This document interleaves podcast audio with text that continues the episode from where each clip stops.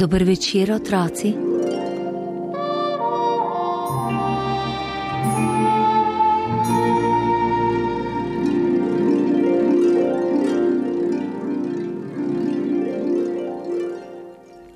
Na vzhodni strani mesta, kjer so stale številne tovarne, je bilo neprijazno naselje. V eni izmed njegovih uličic, ki so bile v vročih dneh polne prahu, ob dežju pa blatne, je čepela pritlikava hišica. Bila je najmanjša med vsemi hišami v naselju, zato so ji rekli hiška Miška. Na vzlic temu, da je bila majhna, je imela vse, kar se za hišo spodobi: obokana vhodna vrata, dve okni, streho in dimnik. Lahko bi rekli, da je bila hiša v malem. Hiška Miška pa ni bila le najmanjša med vsemi hišami v naselju, ampak tudi najbolj nesrečna med njimi. Hudo je trpela zaradi slabega zraka, ki so ga dan za dnem vedno znova zasmrajali orjaški tovarniški dimniki. Trpela je zaradi nadležnega prahu, ki ga je vrtinčil objestni veter. Trpela je zaradi gostega blata, v katerem je stala, ko je deževalo, da je drgetala od mraza. Čeprav je bila nekoč bela kot sneg, so bili zdaj njeni zidovi umazano sivi, njena okna motna, nekdaj lepo rdeča streha pa rjavkasta. V tem neprijaznem okolju je živela hiška Miška že dolgo vrsto let zato je postajala iz dneva v dan vse bolj obupana. Če se je pritoževala, so jo sosedne večje in više hiše bršo kregale, čež da je razvajena. Črni tovarniški dimniki pa so se ji posmehovali. Tudi ulična svetilka, ki so ji po balini s kamni razbili močno žarnico, da je oslepela, ni imela za nesrečno hiško miško niti ene tolažilne besede. Nekoč je celo zabrusila: zakaj pa tarnaš?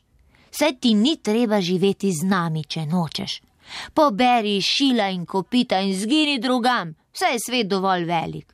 Vendar se hudo motiš, če misliš, da ti bo drugje lažje. Kdor zbira, zbire kdo bi. Ob teh besedah se je hiška miška globoko zamislila. Sej res, kje pa piše? da mora živeti prav v tej ulici, v tem naselju in v tem mestu, kjer nima nobenih prijateljic in se vsi samo norčujejo iz nje. Morda ima stara ulična svetilka prav, ko ji je namignila naj se preseli drugam. Sicer pa nima kaj izgubiti. Težko, da bi se ji drugje slabše godilo kot tu. Dima, prahu in blata se je do grla naveličala in glej. Neke noči, ko je bila dušeča megla tako gosta, da bi jo lahko rezal z nožem, je zložila svoje zidove in se streho in dimnikom pod pazduho neopazno odpravila v širni svet. Hodila je dolgo, dolgo, dokler ni prišla do reke. Kar tu ostanem, si je rekla in že ugibala, kam naj se postavi. Hej, mala, tu pa ne bo dobro zate, se je oglasila stara vrba, ki je bila od teže let že vsa grbasta. Reka prestopi bregove vsakokrat, ko pride deževje in poplavi deželo daleč na okoli. Škoda bi bilo tvojih zidov, če bi jih zmočili umazani valovi. Raje pojdi kam drugam. Hiška Miška je glasno zauzdihnila, znova pogrebila svoje zidove in streho z dimnikom in se odpravila naprej. Čez čas je prišla do velikega bajarja. V svitu se je njegova mirna gladina lesketala tako lepo, kot bi bila iz najčistejšega srebra. Ah, kako čudovito je tukaj! Je zadovoljno pokimala hiška miška. Tako rada poslušam veselo regljanje tisočerih žab. To me prijetno uspava. Kaj praviš, mala, da ti je tu všeč? Se je začudila nadušljiva sova, ki je neopazno čepela v duplu bližnjega drevesa. Neumnica, mar ne vidiš, da ni daleč naokrog nobene hiše? In veš zakaj? Zato, ker tu kar mrgoli krvoločnih komarjev, teh pa se vse boji. O bajerju, lahko samo samotariš, saj te zaradi njih zagotovo ne bo prišel nihče obiskat. Hiška Miška je postala še bolj žalostna, kot je bila prej. Morala se je na moč premagovati, da se ji niso ulile vroče solze. Dvakrat je že poskusila, da bi se ustalila, in vsakokrat so ji odsvetovali, da bi ostala v kraju, katerega si je izbrala za stalno bivališče. Do kraja potrta je z veliko muko odtavala naprej. Pri tem sploh ni opazila, da se oska pot, po kateri stopa, nenehno dviguje. Šele pozno zvečer je prisopihala na vrh griča. Utrujena se je sesedla in v hipu zaspala. Zjutraj jo je pozdravilo prijazno sonce.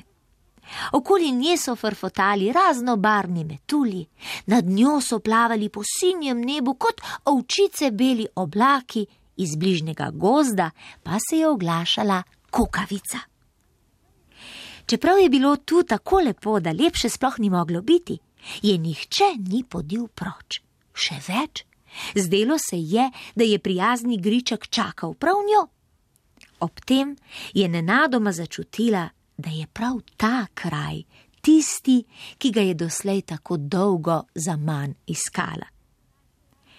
Z olajšanjem v srcu je brž ustala, postavila svoje zidove, jih na novo prepleskala z bleščeče belo barvo in se pokrila streho, na kateri so bile živo rdeče opeke.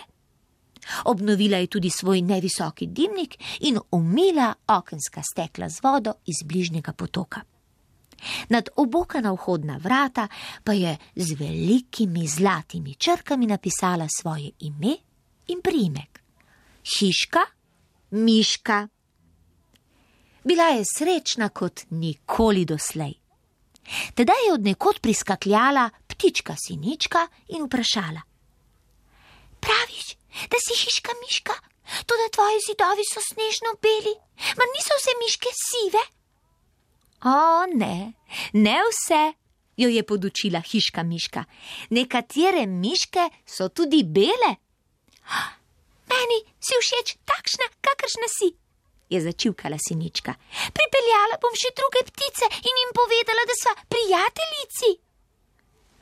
Hiška miška je zadovoljno pokimala, potem pa je odšla na cvetno trato, ki se je razprostirala okoli hiše in posadila češnje, slive, jabolka in hruške, a med njimi tudi par orehov.